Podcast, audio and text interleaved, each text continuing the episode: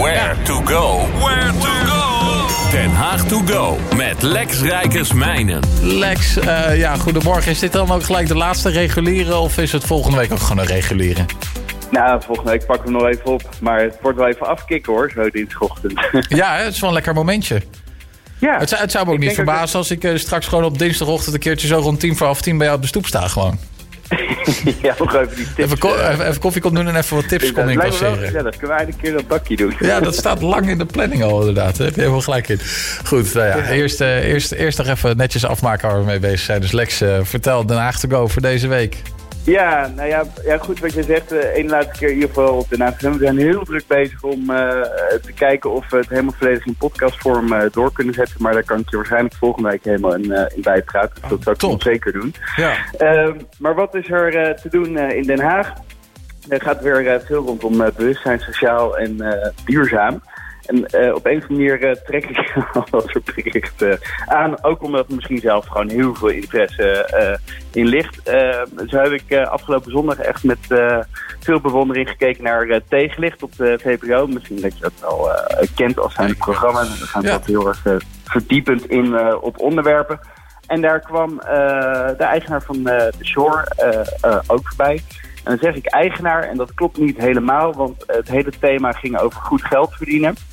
En dan uh, uh, ja, is het natuurlijk een beetje in die zin een woordspeling. Want als je natuurlijk kijkt naar uh, de afgelopen jaren... zijn natuurlijk heel veel grote organisaties en bedrijven... die gaan voor de maximale winst op zo'n moment. Omdat er natuurlijk gewoon aandeelhouders achter zitten. Die willen gewoon ja, de euro's zien. Ja, centen. En, de, de Shore dacht van ja, dat kunnen we toch anders uh, aanpakken. Die hebben toch een, uh, een bedrijfsmodel uh, op een duurzame manier om te zorgen dat ze zelf een gezonde onderneming kunnen zijn.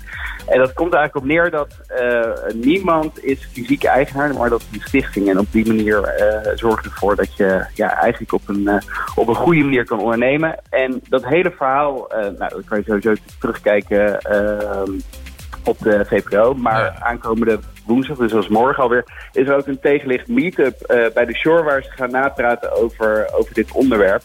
Uh, tussen uh, 8 en 11. En normaliter heb je eigenlijk dit soort dingen alleen maar in Pakhuis de Zwijger in Amsterdam. Dus ik vind het toch wel heel leuk dat ook dit soort onderwerpen langzaam ons de stad inkomen. Wordt ook deels georganiseerd door Cubus. Cubus organiseert daar ook de filmavonden op het strand. Um, overigens gaan die aankomende vrijdag uh, ook weer een filmavond organiseren. Niet bij de Shore, maar wel bij Haags Hoog. Uh, misschien dat je er al eerder van hebt gehoord. Weet ik niet. Mm, ik zit te denken, nee. Uh, nee. nee. Maar ik heb nee, wel een beetje nee, onder een steen geleefd hoor, de laatste tijd.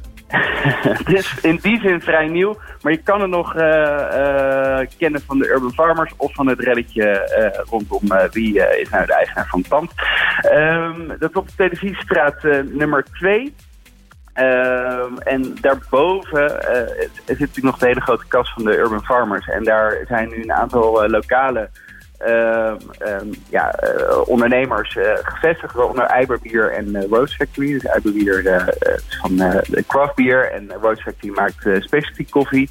En ze hebben daar een soort evenementenlocatie van gemaakt. Waar je dus uh, nou, sowieso gebruik kan maken van een product waar ze zelf ook vaak presentaties doen. En daar gaan ze uh, dus aankomende vrijdag een film tonen. Dus heb je best wel een mooie uitzicht ook direct over de hele stad.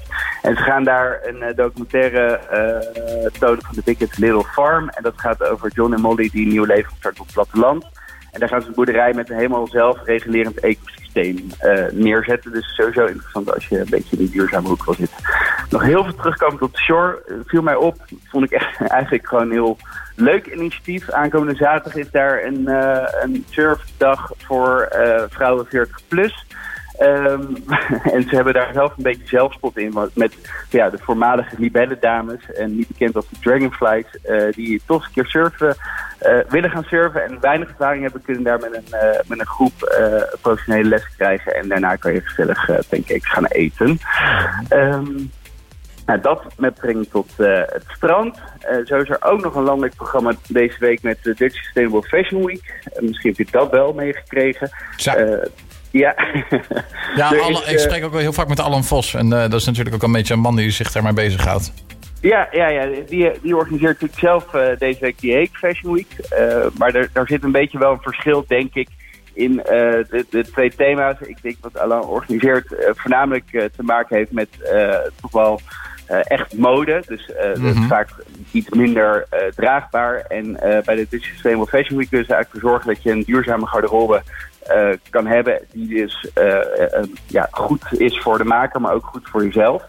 Um, nou, we zijn er natuurlijk sowieso al flink wat initiatieven in de stad die uh, daar al uh, dagelijks aan, uh, aan bijdragen. Een heel mooi voorbeeld vind ik nog steeds altijd de naaierij op de Boekerstraat. waar Isabel en Roosmarijn eigenlijk veel workshops geven om te zorgen dat je zelf um, ja, achter de naaimachine um, het ding kan upcyclen, maar ook ervoor kan zorgen dat je het zelf reparatie kan uitvoeren. En bij Priester uh, op de Zuidbankstraat in uh, het Zeehelderkwartier... die heeft natuurlijk als eerste een kledingbibliotheek... waar je ja, aan de hand van een vast per maand aan het kledingstukken kan lenen. En zij kiezen helemaal niet fast fashion, maar juist...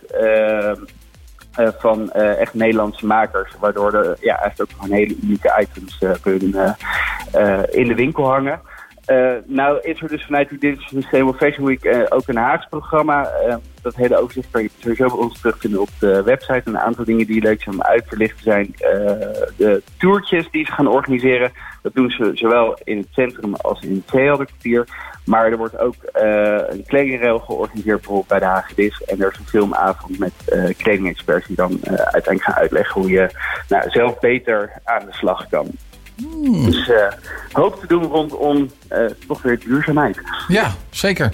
Uh, dat is ook eigenlijk ook het nieuwe normaal. Ja, het is al een ouder nieuw normaal dan, dan corona nieuwe normaal is. Maar dit, dit, er is genoeg om te doen. Lex, thanks voor het overzicht. En dan doen we volgende week gewoon de laatste. Ja, ja, met uh, koffie en taart, denk je dan maar. ja, ik uh, vind dat eigenlijk wel een goed idee, ja. Het is, het is nog even lastig met bezoek hier en dergelijke, maar ik, ik, wilde, ik was wel iets van plan. Maar Lex, thanks in ieder geval en een mooie dinsdag voor vandaag gewenst, hè. Jij ook. Okay. Groetjes, hoi.